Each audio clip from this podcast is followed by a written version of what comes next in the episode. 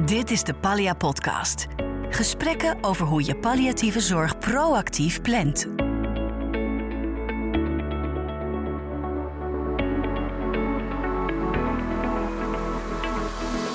Welkom bij aflevering 3 van de Pallia Podcast, een podcast van PZNL. We praten over proactieve zorgplanning, dat is een belangrijk thema binnen de palliatieve zorg. Het aangaan van gesprekken met een patiënt en diens naasten over het naderend einde van hun leven. Dat kan een lastig en emotioneel beladen onderwerp zijn. Niet alleen bij de patiënt, maar soms ook bij de zorgverlener zelf. Ik praat daarvoor met onder meer Daisy Jansen. Ze is specialist ouderengeneeskunde en als hoogleraar verbonden aan de Universiteit van Maastricht. Welkom.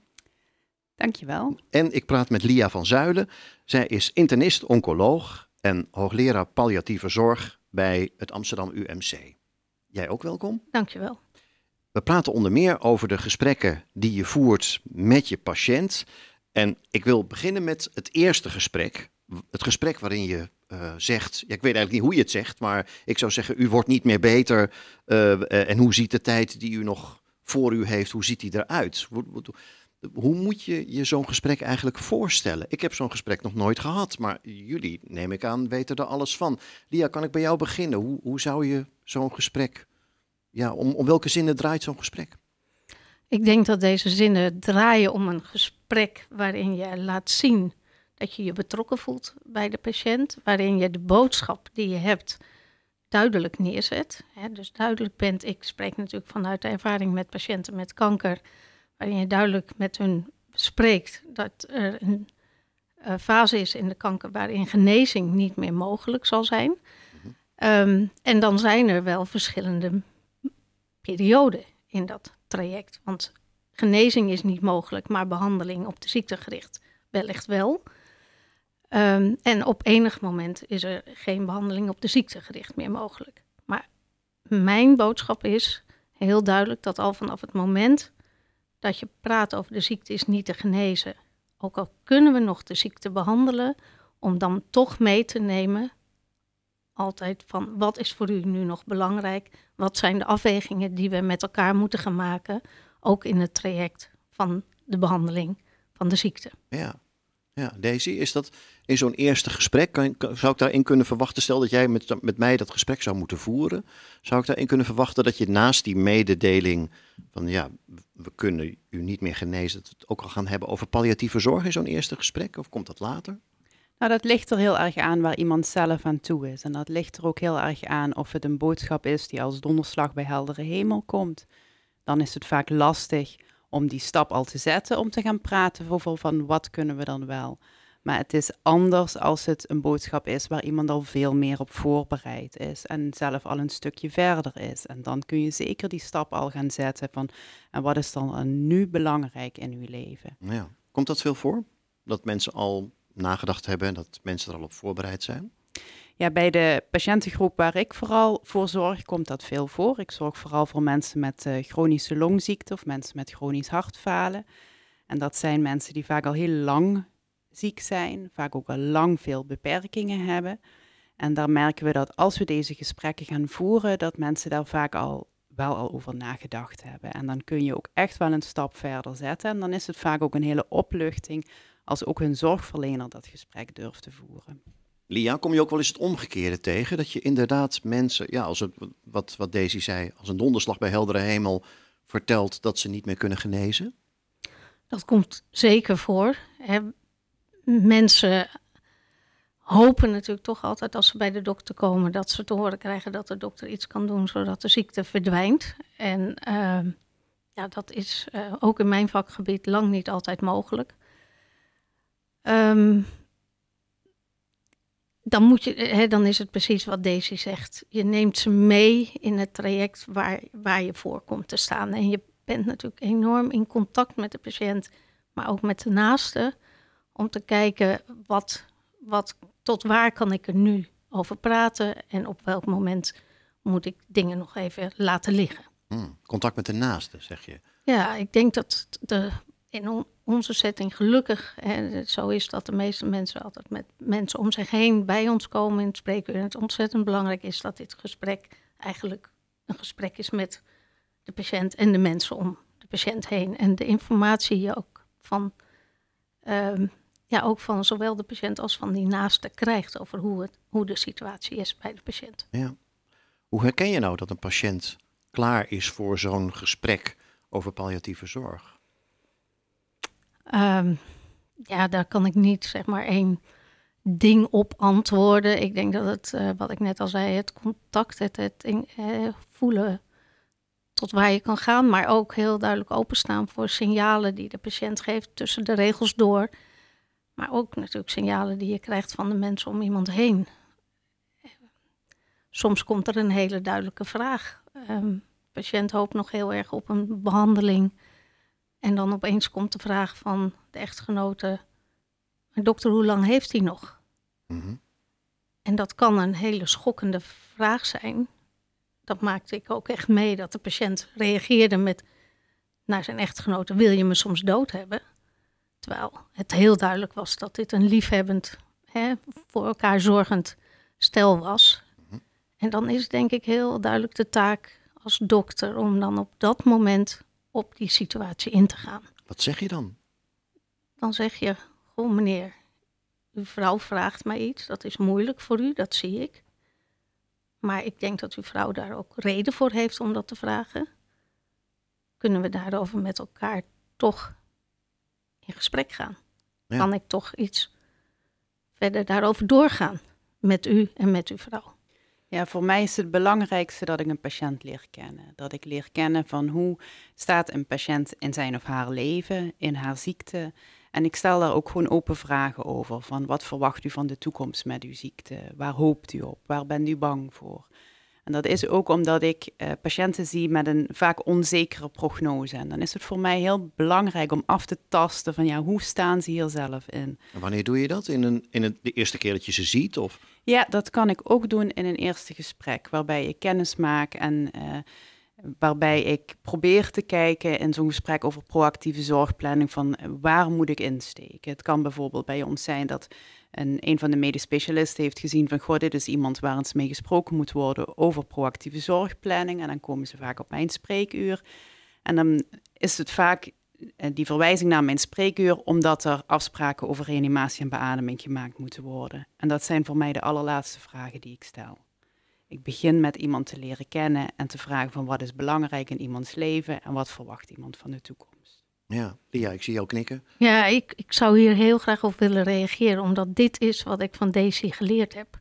De vragen over moet er nog gereanimeerd worden en tot, hè, moet er nog iemand naar die IC? Want dat zijn vragen die in een ziekenhuis altijd actueel zijn en altijd spelen. Niet omdat de kans groot is dat het gebeurt. Maar als het gebeurt, dan wil je duidelijkheid hebben over hoe te handelen. Ja. Dus wij waren altijd, en ook ik was altijd heel erg gefocust, oké, dat gesprek moeten we voeren. En wat ik een langere tijd geleden van deze heeft geleerd, is dat, dat dat is inderdaad pas het einde van het gesprek. Eigenlijk moet je mensen voorbereiden, mensen meenemen in het gesprek dat er ooit een moment komt dat je ook over die dingen moet praten. Maar er gaat zo ongelooflijk veel aan vooraf. En het is niet dat je dit gesprek over proactieve zorgplanning in moet gaan met dit moet mijn uitkomst zijn. Maar je moet het eigenlijk ook als zorgverlener dus heel open ingaan. Ja, ja, want ik zat nog te denken aan die man die dan tegen zijn echtgenoot zegt: Wil je me dood hebben? Wat die man eigenlijk zegt is: Ik wil het er niet over hebben. Dat is wat hij zegt. Ja. Dat denk ik. Ja. Maar het speelt wel. Het speelt bij zijn echtgenote. En ik denk dat het ook bij die man speelt. Want zij vraagt het niet voor zichzelf. Zij vraagt het ook voor hem, omdat ze hem ziet lijden, hem ongelooflijk zijn best ziet doen om in een betere conditie te komen om maar een behandeling te kunnen krijgen. Terwijl ze eigenlijk ook ziet dat het hem veel te veel energie kost. Ja, ik wil even nog één stapje terug, want we zitten nu eigenlijk al aan tafel met mensen hè, voor een eerste gesprek, uh, waarbij jullie gaan vertellen, ja, uh, we moeten het gaan hebben over palliatieve zorg. Maar even één stap terug. Hoe weet je nou, ja, uh, dit gaat niet meer lukken. Ik kan deze patiënt niet meer genezen. Ik stel hem omdat je zou misschien denken, dat gaat allemaal over diagnose, het gaat over bloedwaarde, over, dat is allemaal objectief. Is het wel zo objectief, die afweging? Nee, dat is zeker niet objectief. En eh, we weten dat ook uit onderzoek, dat uh, het gevoel van de dokter heel erg belangrijk is bij het inschatten van de prognose. Zeker bij mensen waarbij de prognose zo moeilijk in te schatten is. En dat betekent niet dat we dat als dokter zo goed kunnen. Dat is weer een heel ander, ander verhaal. zelfs de meest betrokken dokters kunnen dat soms het allerslechtste bij, bij hun patiënt. Maar het is... En waarom dan? Ja, dat weet ik eigenlijk ook niet. Misschien omdat als je heel erg betrokken bent, dat het ook moeilijker is om heel objectief te kijken. Omdat je denkt van, ik zou hem zo graag willen genezen, bedoel je dat? Um, weet ik niet of het is. Ik zou hem zo graag willen genezen, maar misschien meer van ja, ik wil dat iemand nog de dingen in zijn of haar leven kan doen die voor haar of hem belangrijk zijn. En dat is bij mij als specialist oudergeneeskunde, is dat, dat iemand willen genezen en iemand altijd in leven willen houden, dat staat toch wat minder op de voorgrond. Kwaliteit van leven is, uh, is voor mij toch veel belangrijker om na te streven. Ja, ja maar nog even terug naar die afweging. Mhm. Is dat een afweging die, die je vooraf maakt? Dit ga ik nu vertellen. Of is dat iets waarvan je denkt, ik leg het op tafel en dan tijdens het gesprek blijkt het wel? Hoe gaat dat eigenlijk, Lia? Kijk, de patiënt komt bij mij als internist-oncoloog primair om te praten over een behandeling, een kanker, antikankerbehandeling. Dus ehm, daar ga je over met elkaar in gesprek. Maar dat, kan je, dat gesprek voer je vanuit het gegeven van de ziekte die niet te genezen is. En gaande in dat gesprek kijk je op welke dingen je komt die aanhaken op aandacht geven aan maar wat betekent dit voor u? Wat is voor u belangrijk? Hoe, hoe, welke afwegingen spelen er bij u als we het hebben over ook een behandeling van de kanker? Wat is de kans op effect, maar wat zijn de kansen op bijwerkingen? Mhm. En ja, hoe staat u daarin? Dus ik, ik heb denk ik een soort basisbagage bij me waarover ik praat, maar ik laat wel in het gesprek de ruimte om te kijken op welk moment welke dingen aan de orde komen. En ook hierin ga ik dus niet met een heel duidelijk doel oh. dat gesprek in van ik moet het alleen, ik moet dit en dit en dit zeker besproken hebben. Voor jullie alle twee geldt dus dat, dat je niet vooraf hebt besloten van oké, nu krijg ik zo meteen meneer Grootbot en meneer Grootbot ga ik vertellen het spijt me heel erg, maar de bloedwaarde, alles wat we nu hebben, dat laat duidelijk zien, we kunnen u niet meer genezen. We moeten het hebben over palliatieve zorg. Dat, dat eerste vertel je. Mhm. je vertelt, wat mij betreft, in mijn setting van de ziekte. De, ziekte is terug in de vorm van uitzaaiingen. Of als je de patiënt al langer kent of elders al vastgesteld is dat die uitzaaiingen er zijn. Um, de ziekte is toegenomen en je vertelt dat je iemand niet kunt genezen. Mhm. En je haakt dan vervolgens aan op de, op de reacties die dan komen vanuit de patiënt en de naaste. Ja, en daarin denk ik wel dat het heel belangrijk is om open te staan voor de signalen die je krijgt. Als een patiënt strompelend jouw spreekkamer binnenkomt en hij zegt vervolgens: Het gaat heel goed met mij, dokter, want ik fiets nog uh, enorme einde, dan kan je dat niet laten passeren. Dan, dan zeg je van, maar ik zie nu iets anders. Wat is er gebeurd? Wat betekent dat? Wat, waar moeten we het met elkaar over hebben? Moeten we het echt alleen hebben over de behandeling van uw ziekte? Of moeten we het ook hebben over wat er nu gebeurt in uw leven? Mhm. Ik had me nooit gerealiseerd dat het veel minder objectief is. Dat hangt ook heel erg dus van de patiënt af, uh, Daisy. Zeker, en het betekent wel dat ik altijd voorbereid een gesprek inga. Ik ken het dossier, ik weet ook welke agendapunten dat ik heb.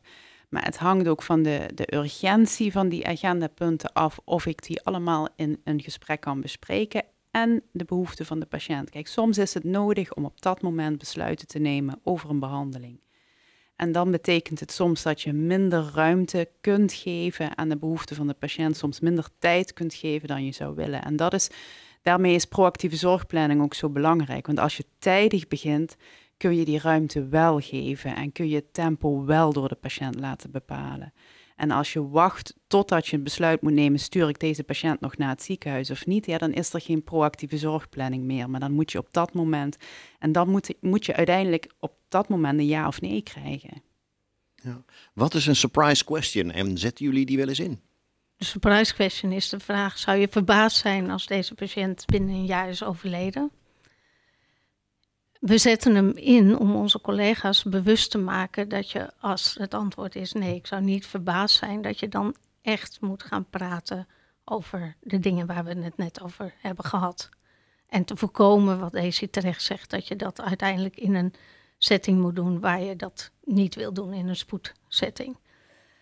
Zelf ben ik veel meer een voorstander van, en dat is wat we hier aan tafel ook alle twee zeggen.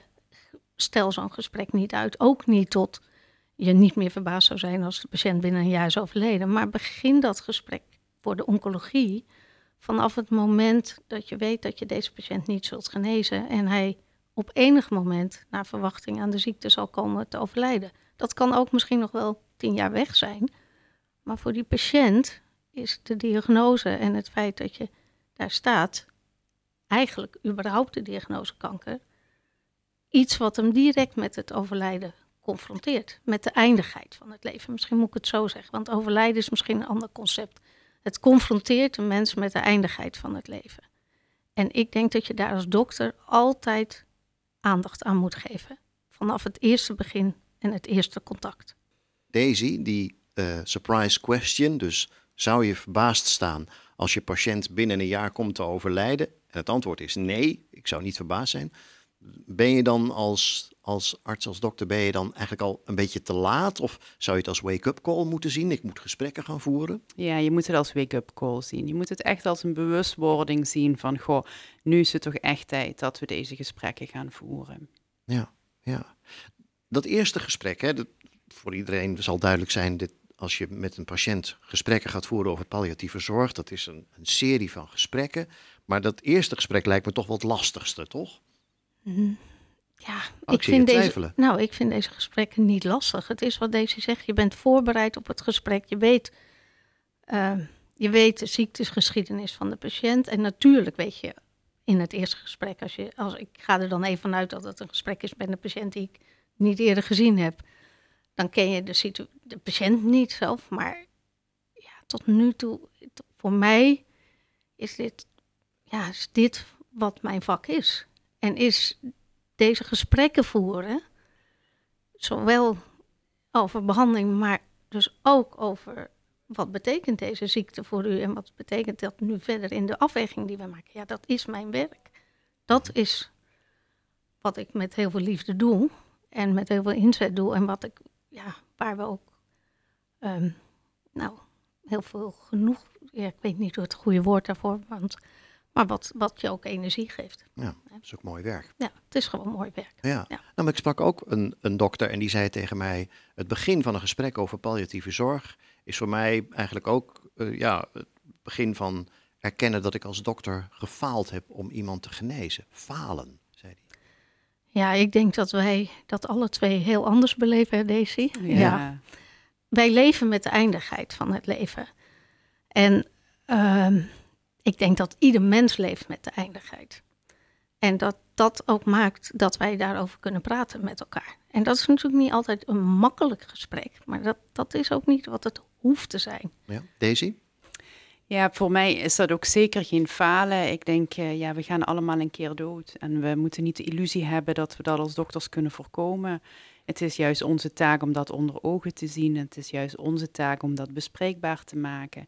En je kunt zoveel bieden juist in die laatste levensfase als dokter. En het, is precies wat, wat Lia ook, uh, ook zegt over van, goh, zijn het lastige gesprekken? Nee, het zijn meestal geen lastige gesprekken. Het zijn vaak hele mooie gesprekken, hele fijne gesprekken, waarbij je als patiënt en dokter tot elkaar komt, waarbij je als dokter vaak een inkijkje krijgt in iemands leven en wat hij of zij denkt en voelt. En ja, wat ook heel bijzonder is om iemand in dat stukje van zijn leven te mogen begeleiden. Zijn dit gesprekken die heel veel tijd in beslag nemen? Is dat ook een factor? Zijn, zijn dokters daar ook bang voor?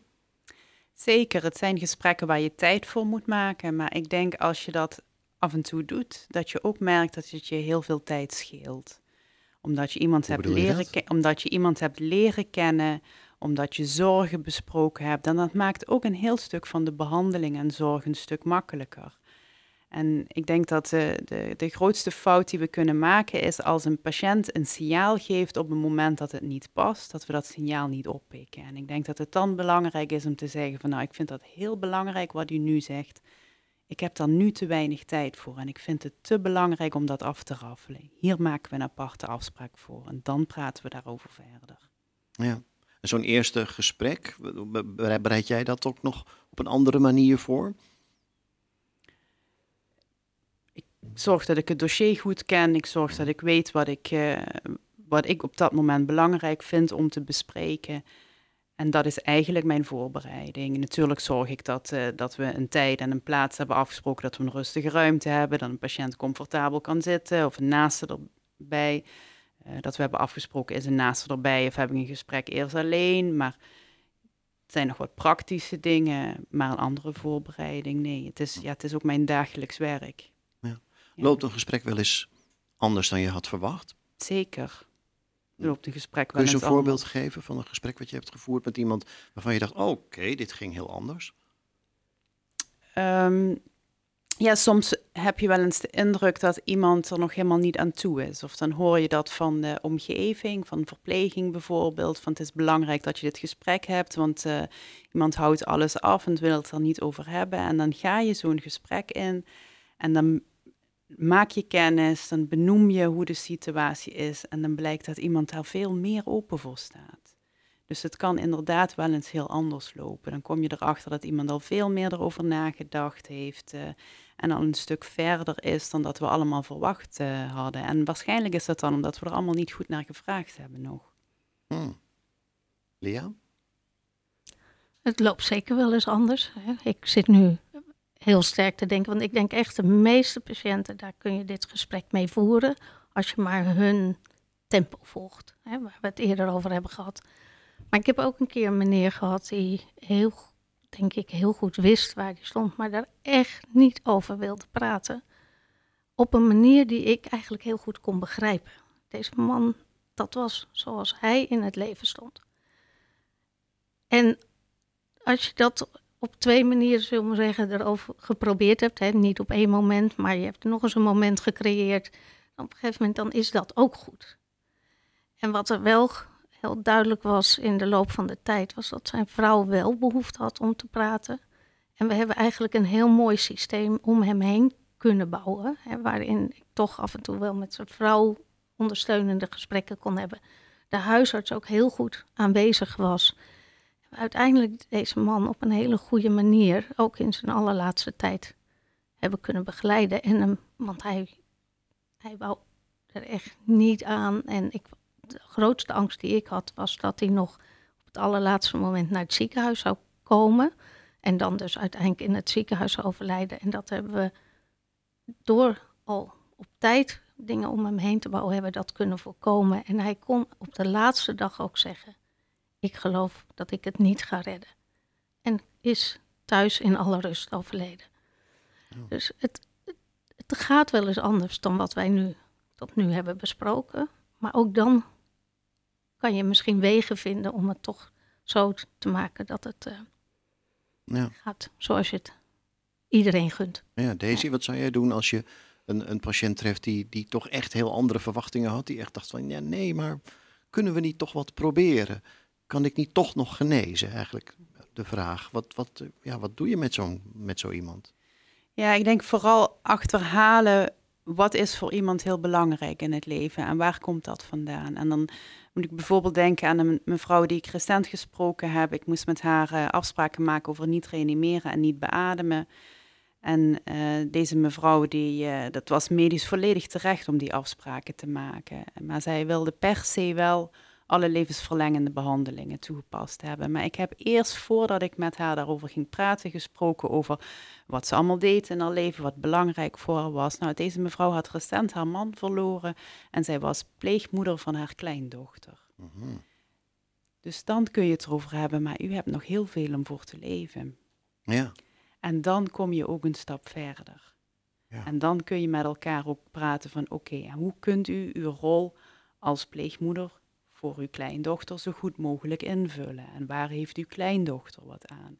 En dan kom je dus een stap verder dan ik wil hier niet aan en ik wil hier niet over hebben. Mhm.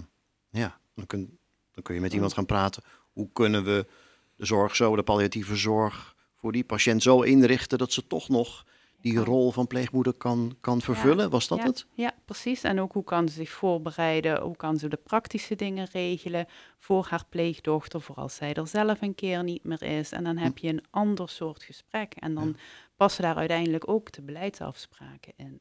Hoe ging dit verder dan met dit voorbeeld? In dit voorbeeld hebben we een paar hele fijne gesprekken gehad. Uh, er is inmiddels uh, uh, geregeld wie er voor de pleegdochter zorgt als zij het zelf niet, niet kan. Mhm. Daar ben ik verder niet bij, bij betrokken geweest, maar zij was eraan toe om dit, dit te regelen. En zij heeft inmiddels ook afspraken gemaakt over niet reanimeren en niet beademen. Ja, ja. Lia, heb je ook zo'n voorbeeld? ik zou bijna zeggen talloze. Maar een van de dingen die ik als jong, toen ik nog net internist-oncoloog was, meemaakte, was een jonge man met jonge kinderen, een jong gezin, die echt niet erover wilde praten dat hij zijn ziekte uh, niet zou overleven, hè, dat hij zou komen te overlijden. Um, ik heb me daar best heel veel zorgen over gemaakt, ook uh, omdat ik zag dat zijn vrouw zich daar heel veel zorgen over maakte, want hij had eigenlijk nog helemaal niks geregeld voor wat er toch binnen een gezin geregeld moet worden. Testament, als nalatenschap ja, ja. en, dat soort dingen. En uiteindelijk, twee weken voor zijn overlijden, heeft hij alles geregeld. En wat mij dat toen geleerd heeft, is om ook vertrouwen toch te hebben in de mensen. Vertrouwen dat als jij maar als dokter open en eerlijk blijft, nogmaals, hè, niet, niet doorduwend, maar gewoon in contact met de patiënt, dat een patiënt uiteindelijk ook op een bepaald moment toch tot, de, tot het besluit komt dat het op dit moment, misschien later dan jij had gewild, of dan dat zijn omgeving had gewild, het toch geregeld heeft. Dus ik probeer eigenlijk toch altijd heel veel ook naar patiënten toe uit te stralen. Uiteindelijk kunt u dit. Er komt een moment, dan weet u, het is niet anders. En dan kun je je eraan overgeven dat je komt te overlijden. Ja. En dat heeft deze man mij eigenlijk geleerd. En dat ieder het ook op zijn eigen manier mag doen. Ja. Dit heeft wel heel erg deze te maken met vertrouwen. Hè? Je moet, mensen moeten wel echt vertrouwen in je blijven houden. En niet denken, nou, uh, ik moet misschien naar een ander. Die kan me wel beter maken. Ja, ik denk dat vertrouwen een kernwoord is. Ja. ja. En dat vertrouwen, dat, uh, ja, dat moet je langzaam opbouwen. En dat vertrouwen moet je zorgvuldig bewaken. Want heb je wel eens hmm. gedacht, oei, nou moet ik hem er wel even bij houden, want anders dan denkt hij misschien dat hij elders beter af is? Nou, ik heb wel vaker gedacht na een gesprek van, goh, dat had ik toch beter anders kunnen doen. Dat, uh, als uh, jonge dokter uh, moet je daar toch heel veel in leren, denk ik. Ja. ja. ja. Wat, zou, wat, wat, wat, zou je zeggen als iemand dan, hè, iemand die er echt niet aan wil, blijf hmm. even bij dat voorbeeld, en die zegt, ja, maar misschien, misschien kan iemand anders het wel? Mij genezen. Wat, wat zou je dan zeggen? Uitvragen wat de verwachtingen zijn van iemand anders. En het vooral niet tegenhouden. Mm -hmm. Maar vragen, iemand heeft, waarom? Ja, waarom? Wat verwacht u daarvan? Ja, ik wil u doorsturen naar iemand anders. En waar hoopt u dan op? En vooral het gesprek blijven voeren. Ja. Ja, Lia? Helemaal mee eens. Helemaal mee eens laten zien dat jij er bent voor die patiënt. Dat je eigenlijk steeds met elkaar de beste weg probeert te vinden. En als er een behoefte is om elders te vragen of het ook anders kan, daar ruimte voor te geven. Ehm, en, en ja, eigenlijk gewoon ook de patiënt bij je te houden. Totdat hij wellicht ook ergens anders ja, verdere begeleiding of, of misschien zelfs behandeling gaat krijgen. Mhm. Maar ik heb meerdere keren gehad dat patiënten elders uh, navraag gingen doen en soms ook wel eens in een bepaald traject kwamen, maar waarbij ik toch in contact ben gebleven. En ja, het, het opbouwen van vertrouwen is wel een heel essentieel aspect van de begeleiding van patiënten in de palliatieve fase. Ja, want we hebben het nu heel erg gehad over het eerste gesprek wat je voert. Maar dat is maar, dat is maar één van een serie Dat gesprekken, is, stel ik me voor. een hè? van een hele hoop serie gesprekken. Ja, hoeveel Hebben- moet ik me daarbij voorstellen? Nou, ik, ga daar, ik kan daar niet een echt getal aan geven. Als wij mensen behandelen in hun, eh, eh, voor hun kanker, dan zien we mensen soms één keer per twee of drie weken. Het is echt niet zo dat je dan natuurlijk elke keer over dit soort dingen praat. Dat is ook helemaal niet nodig. Wel op die essentiële momenten dat er dingen zijn die eh, anders zijn dan het daarvoor was. Bijvoorbeeld toename van de ziekteactiviteit van de ziekte. En, eh, of als de patiënt aangeeft dat hij over dingen wil praten, want dat kan natuurlijk ook. Daisy? Ja, ik kan daar ook geen aantal aan hangen. Dat ligt er heel erg aan hoe lang dat ik bij iemand betrokken ben eh, en hoeveel dat er te bespreken is. Dat is. Dat is voor iedereen verschillend. Soms zijn dat ook hele kleine gesprekjes. Soms is dat ook tijdens een regulier consult dat er even een klein stukje besproken wordt. Eh, soms is dat een groot gesprek dat je plant en met naasten erbij. Maar ik denk dat het er vooral om gaat bij proactieve zorgplanning, dat dat een stukje basishouding is waar je eigenlijk in ieder consult kan daar iets van aan bod komen. Dat hoeft niet, maar dat je daar wel bewust van bent en dat je vooral de, de dingen die een patiënt zegt oppikt en die daar dan ook op ingaat. Dank jullie wel, alle twee. Luisteren naar de patiënt. Het is een paar keer aan de orde gekomen in deze aflevering. In de volgende aflevering van de Palja Podcast praten we daar verder over. Hoe kom je erachter wat een patiënt belangrijk vindt, wat die patiënt wel en niet wil en waarom die dat wil? Communicatie en proactieve palliatieve zorgplanning. Daar gaat de volgende aflevering over van deze podcastserie van PZNL. Als je die aflevering niet wil mislopen, abonneer je dan in de podcast-app op deze serie. Dan komt een volgende aflevering vanzelf in je app. Als je anderen wilt wijzen op deze serie, dan kun je dat doen door een review of een rating achter te laten. Daarmee wordt deze serie beter vindbaar voor anderen. Dank voor het luisteren en tot de volgende aflevering.